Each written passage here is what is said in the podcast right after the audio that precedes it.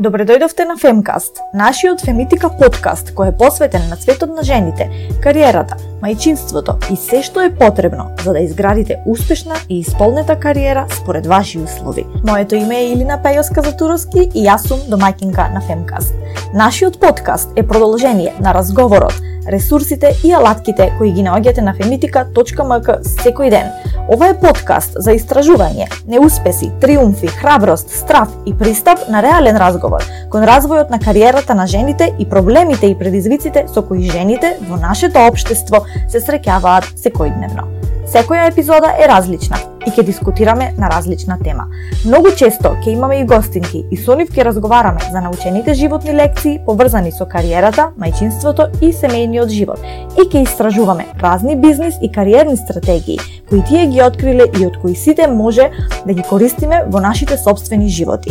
Овој подкаст е за учење од најпредизвикувачките времиња, но заедно, бидејќи едно е сигурно, дури најтешките моменти можат да ја трансформираат вашата кариера и живот на подобро.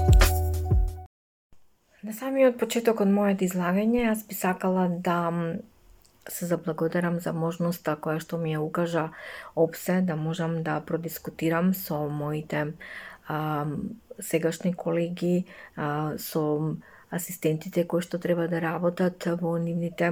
канцелари за улогата, функцијата на пратеничката канцеларија, за мокноста како една успешна алатка, како еден успешен проект за лобирање и застапување. Таа, верувајте, е добар канал за комуникација помеѓу законодавниот дом и цивилниот сектор и една моќна алатка преку која што граѓаните директно се вклучуваат во процесот на донесувањето и креирањето на одлуките кои што се дискутираат дискутират и се носат во собранието. Канцеларијата за контакт е во вистинска смисла на зборот сервис не само на граѓаните, него и моќна алатка на пратениците. Пратениците од канцеларијата можат да добијат повеќе информации од граѓанските здруженија, потребни материјали за работа во собранието, каде, каде што ќе ги доставуваат предлозите на граѓаните. Една од главните цели на канцеларијата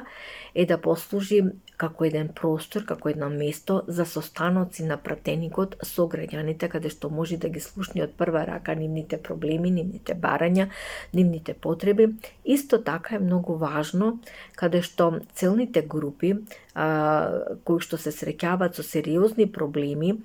и имаат мноштво идеи, доаѓаат во пратеничките канцелари и нудат решенија за конкретните проблеми со кои што се среќават. Посебно внимание или посебна улога пратеничката канцеларија има во контактите со невладините а, организации кои што, верувајте се, главниот извор а, на или а, а, анализ а, главниот извор на информации бидејќи тие се оние а, вистинските кои што а, прават анализи за одредени проблеми со кои што се занимаваат и тие проблеми ви ги носат во пратеничките канцеларии, а вие заедно со нив ги преточувате во законски решенија а, и ги доставувате до собранието или пак конкретни измени дополнувања на законските решенија кои што треба да се променат, бидејќи тие наместо да бидат а, проактивни во делот на имплементирање на законското решение, истите се појавуваат како а, кочничари и затоа а, пратеничката канцеларија е еден простор каде што се прават ваквите мини дебати за тоа каде и што треба да се интервенира или кои актуелни теми треба пратеникот да ги а, иницира а, како јавни расправи во собранието за да можат истите да се актуализираат пред јавноста и а, да се најдат конкретни решенија за, а, за нивно решавање. Кои се главните функции на канцеларијата? Ги има мноштво, но јас ке ги избројам или ке ги наведам оние најглавните институционализирање на соработката помеѓу собранието и граѓанските организации самите граѓани, поврзување на граѓаните со законодавните тела во насока на зголемувањето на влијанието на цивилниот сектор во процесите на донесувањето на одлуките и, и, и законските решенија во собранието, обезбедување на релевантни податоци неопходни за остварување на интензивен диалог меѓу собранието и граѓанството за употреба на сите комуникацијски средства И а, она што е многу важно е поврзувањето на граѓанинот со институцијата која што треба да го решава нивниот проблем на дадено прашање кое што стигнува до пратеникот. Многу е важна алатката на пратенички прашања кој што на никој начин е еден од основните механизми за надзор врз работењето и улогата на законодавната власт, и граѓаните во мноштво доаѓаат во пратеничката канцеларија и носат конкретни прашања до пратеникот кој што треба да го постави на ресорниот министер, директор од одредена институција и на тоа прашање треба да се добие конкретен одговор и да треба пратеникот се, се разбира да даде повратен одговор а, или фидбек на а, на граѓанинот кој што очекува а, одговор на поставеното прашање. Многу е важно за успешна работа на канцеларијата е а, работата или а, профилот на асистентот кој што треба а, да работи во пратеничката канцеларија. На самиот почеток, кога се отвораа пратеничките канцелари, морам да потенцирам дека тој пристап на избор на асистенти посебно ми се допадна, бидејќи бидејќи изборот на асистенти подлежеше на чисто демократски начала и принципи, а, во кој што главен и основен и клучен критериум а, беше да асистентот по своето однесување и по својата професионална етика да биде ограден од било каква партиска а, етикета. И на тој начин а, се покажуваше дека а, асистентот ќе биде апсолутно на тој начин а, олеснат од страната на партиската припадност, ќе биде повеќе спремен во иста мера да обслужува граѓани, да речам, од различна политичка провиненција. Тоа беше првото нешто, првиот позитивен чекор во самиот почеток на проектот Пратенички канцелари. Одбраните кандидати за асистенти пред стапувањето на работното место обавезно подлежа на интензивни обуки академии а, во трајање од повеќе недели, ми се чини, или денови, не знам тоа како беше, во кои што им беа доставувани а, сите потребни алатки и информации за отпочнување со работните задачи. Меѓу нив беа вклучени и познавањето на законските рамки за информации од јавен карактер, начинот на процесирањето на граѓанските барања до собранинските инструменти или до локалните институции, апликативна примена на добрите пракси од поразвиените демократи и слични модули со кои вработените беа спремни да го и обслужуваат граѓаните и пратениците и да го создадат онај важен мост меѓу нив. Во континуитет, верувајте, семинарите, обуките продолжуваа и капацитетот на вработените асистенти во пратеничките канцелари се движеше во нагорна линија, а со тоа и секој еден пратеник има бенефит, бидејќи секогаш беше спремен и беше исполнет а, а, или надограден со информации, необходни информации кои што му беа потребни при нивното а, при нивната работа а, на изнесување на одредени факти на собраниската говорница. Се избра личности, асистенти со, со многу а, вештини, со многу квалитети, претежно беа со високо образование и она што е најважно со голем морал и ентузијазам да можат да допринесат во во зголемувањето и на, надоградувањето на, на парламентарната демократија. А, со право сакам да потенцирам дека и тогаш, во моментот кога имав асистент и се борев за подобрување на нивниот статус за разли... за жал ниту тогаш а не гледам ниту денес дека никогаш на доместокот кој што го добиваат асистентите, асистентите не по, го постигна она потребно ниво кој што задоволително ниво кој што истите го го заслужуваат во однос на задачите кои што ги обавуваат, што сметам дека е хендикеп во однос на мотивирањето на млади кадри да бидат дел од тимот или институцијата пратеник. Она што исто така беше клучен фактор за успешната имплементација беше а, поединечното препознавање на потенцијалот на овие канцелари врз работата на пратеникот и верувам дека секој еден пратеник кој даде многу важен и врвен приоритет, односно важност на работата на својата канцеларија, може да секогаш после тоа да дискутира за одреден бенефит, за свое зајакнато влијание врз гласачите, за зголемен политички рейтинг и рангирање во својата заедница, секако се истакнува со огромниот ангажман во парламентот и секако во својата политичка партија. Кои се бенефитите од проектот Пратеничка канцеларија? Огромни се, ќе набројам некои од нив – Овој проект на маса ги обедини капацитетите на општините, капацитетите на граѓанските организации, капацитетите на собранието, за да се обезбедат скромни, но логистички необходни ресурси за оперирање на канцелариите овозможување директен пристап до пратеникот, овозможување непосреден контакт со граѓанинот и гласачот, со што се овозможува во директен контакт да се пренесат нивните идеи, потреби, сугести и проблеми. А, конекција на а, граѓанинот со институциите, преку институцијата пратеник во стварување на своите права и обврски и секако директно учествување во процесот на донесување на одлуките во собранието преку нивните интервенции во законски решенија, преточени преку аманмански интервенции или преку предлагања на нови законски решенија иницирани од народната маса информација од прва рака поднос одредени законски решенија кои се донесуваат во собранието, кои што се од исклучително значење за граѓаните или на одредени целни групи, се формира или се организира голем број на конференции во струга, голем број, број на форуми, голем број на собери со невладините организации каде што се дискутирало одредено законско решение пред истото да биде донесено во парламентот или од нивното донесување повторно се отвараја дебати за да се види дали ова законско решение ги задоволува во потполност потребите и барањата на, на граѓанството и дали истото ќе биде проактивно или ќе биде кочничар при нивното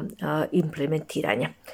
покренување на јавни расправи, форуми, собери, она што го кажуваш по однос на актуелни прашања и теми кои што ги тангираат граѓаните и сите тие заклучоци кои што беа донесувани на тие форуми беа пласирани до ресорните министерства или институции со цел да се каже кои се заклучоците кои што а, беа донесени од широките дебати на граѓаните или на граѓанскиот сектор. Накратко би сакала да проговорам за случајот на канцеларијата број 53, тоа е мојата канцеларија во Струга. Морам да кажам и морам да потенцирам како и секој почеток, така и бидејќи бев од првите пратеници кои што во првата група на пратенички состав каде што а, се отворија пратеничките канцеларии и така заедно се учевме и се надоградувавме чекор по чекор, согледувајќи ги сите проблеми, негативности, а и позитивности а, кои што пратеничките канцелари ги носат а, со себе. Секој почеток е тежок, така и почнувањето со работата со пратеничката канцеларија во Струга најде на одредени тешкоти. Но, кога ќе имате исклучително амбициозна, млада асистентка, комуникативна, исполнета со бројни идеи, а, мислам дека тие тешкоти на почетокот заедно ги надминувавме. И си го поставивме првото прашање како да почнеме со работа. Како да ги сензибилизираме граѓаните во Струга и да кажеме дека во Струга има една, еден простор, едно просторче, канцеларија на пратеникот, каде што ќе можат да дојдат, каде што ќе можат да дискутираат за сите проблеми со кои што се обкружени, заедно да побараме начин на решавање на, на истите и така натаму. Значи, бројни дилеми а, беа а, пред нас а, на самиот почеток. И си поставивме цели и си поставивме начала како постулати врз основа на, на тоа а, што е фактички а, главната улога на канцеларијата и која е главната цел која што канцеларијата треба да ја а, исполни и основната незина работни задачи или ингеренци и тоа ни бе основните постулати или чекори за да можеме да зачекориме и можеме да започнеме со работењето на канцеларијата. Воспоставивме неколку начала, врз основа на кој што мојата канцеларија работеше до крајот на низиното затворање. Прво, началото на комуникативност и достапност – бидејќи да се биде јавна личност, не само што представува голем број на внимателно пресметани чекори и акции, туку представува, верувајте, и на некој начин создавање на некоја приказна, на некој имидж, содржина, комуникација која се карактеризира со волјата да се слушаат и согледаат повеќе слоеви на, на граѓански предизвици со цел и, и внатрешно и надворешно во секое време претеникот да биде во тек и да биде вклучен во граѓанските иницијативи. Само така сметавме дека граѓанската, дека претеничката канцеларија ќе најде начин да, да стигне до секоја една адреса. За успешната приказна на канцеларијата 53 стои неминовниот добар а, добро чувство за комуникацијски вештини и внатрешно и надворешно и свесноста дека јавното експонирање треба стратешки и конструктивно да остави добар белег и имидж и на пратеникот и секако на асистентот и на проектот во целина. Особено ова е многу значено за вакви а, мали и ранливи средини како што е Струга. Канцеларијата го имаше својот подем и држеше на вистина заслужна позиција за добрите па-, практики, подпирајќи се а, на началата на непристрасност, отчетност, транспарентност и непартизираност, беа на прво место при поставувањето и остварувањето на задачите. Во тие денови на подем како тим пратеник асистент, воспоставивме вредни односи со сиот граѓански сектор во заедницата, станавме а, представници а,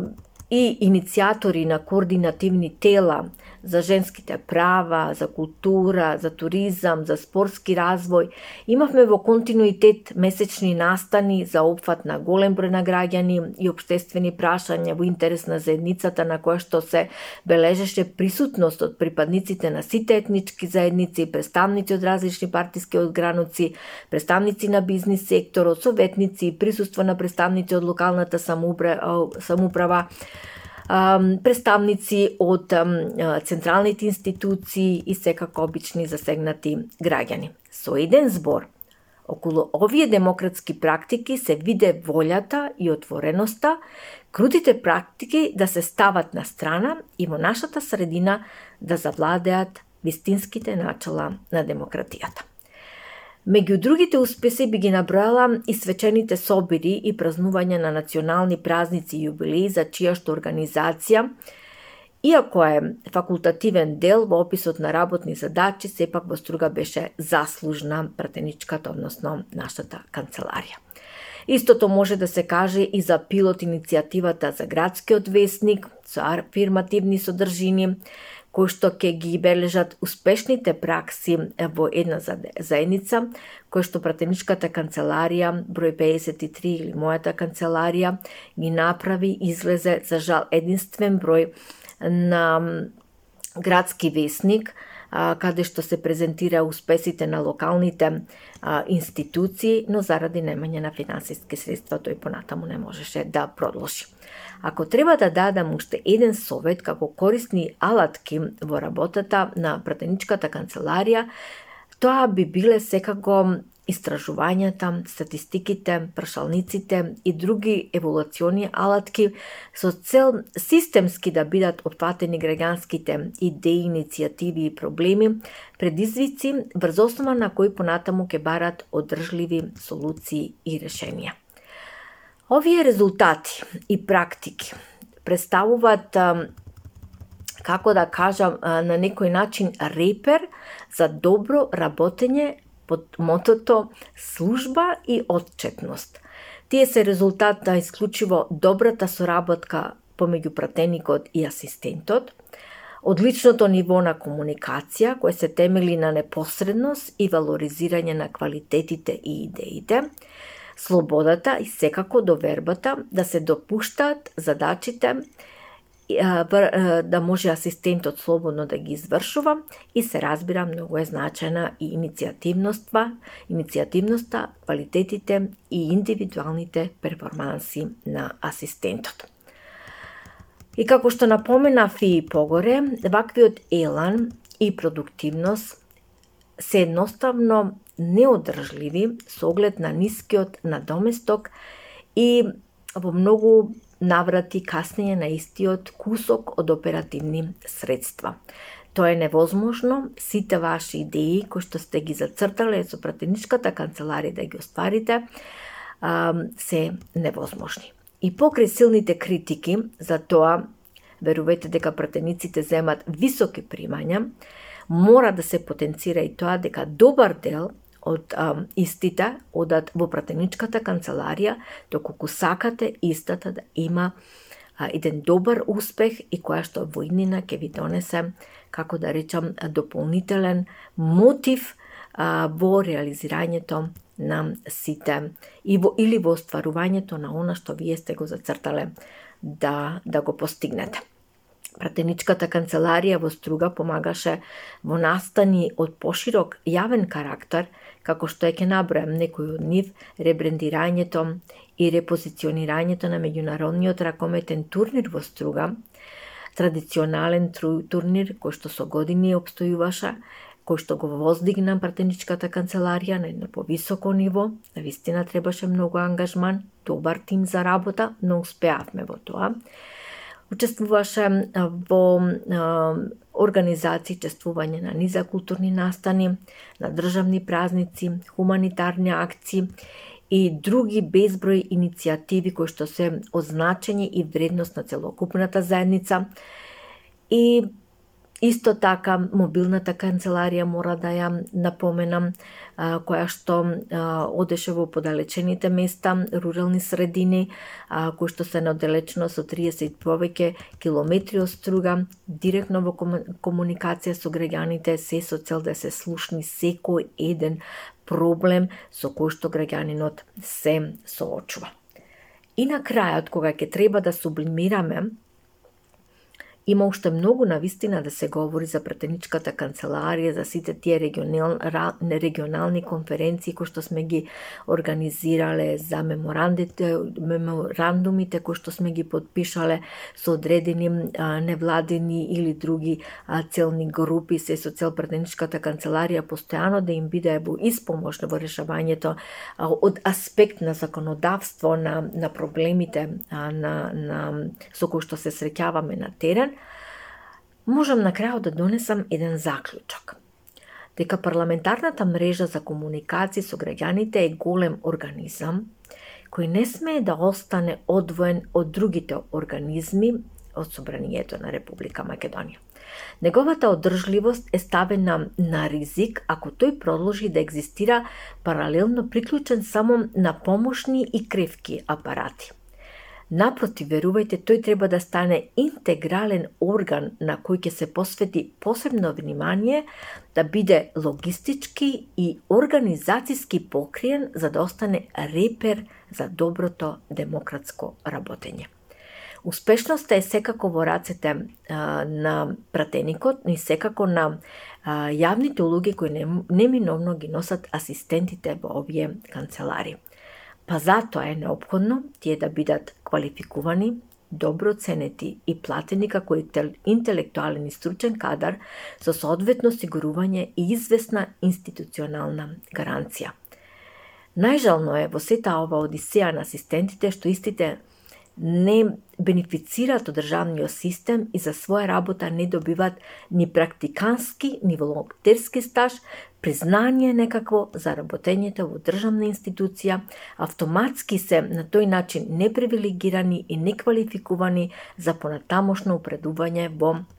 унапредување во државните и јавни службеници, иако со ова работа го стекнале основното потребно искуство и потребните квалификации да одговорат на повисоките функции бидејќи работењето во пратеничката канцеларија не е само одење на работа, седење за да ја држите канцеларијата отворена. Напротив, бара многу посветеност, многу напорна работа и од аспект на познавање на законските решенија и од аспект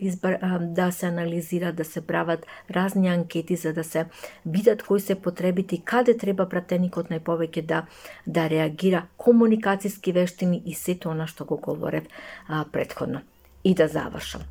Дека овој проект пратенички канцеларии е неопходна алатка во рацете на пратениците, не заради нивна промоција. Тоа најмалку, верувајте, е важно во моментот, Напротив, заради зајакнување на комуникацијата помеѓу пратеникот и граѓанинот и можноста на пратеникот одблиску да помогне на граѓанството. Затоа не смееме да дозволиме како пратеници овај проект да изумре, напротив, треба да најдиме а, начин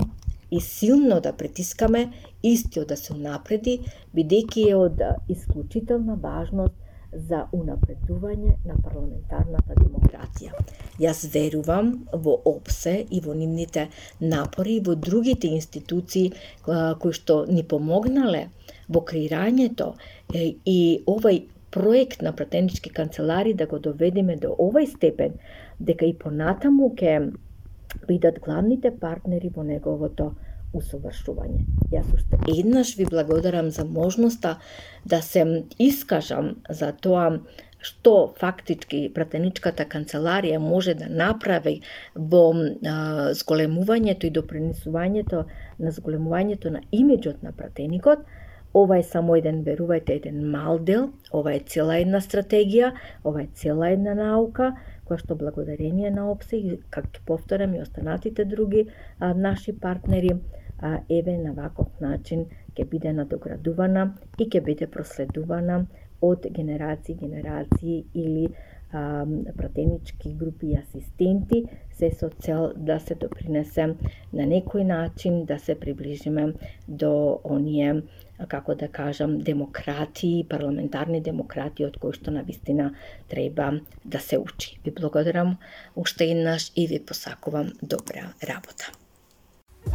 Дојдовме до крајот, тоа е се за оваа епизода, драги слушателки и слушатели. Ви благодарам што не слушавте до крај и се надевам дека ќе не слушате повторно во нашата идна епизода. Доколку ви се допаѓа овој подкаст, ме молам кликнете на копчето subscribe за да ни дадете дополнителна поддршка или споделете го со вашите пријатели. Овој подкаст е достапен и на femitika.mk во категоријата подкаст. Јас сум вашата домаќинка Илина Бејоска Затуровски, ви посакувам убав ден и се слушаме во следната епизода на Femcast.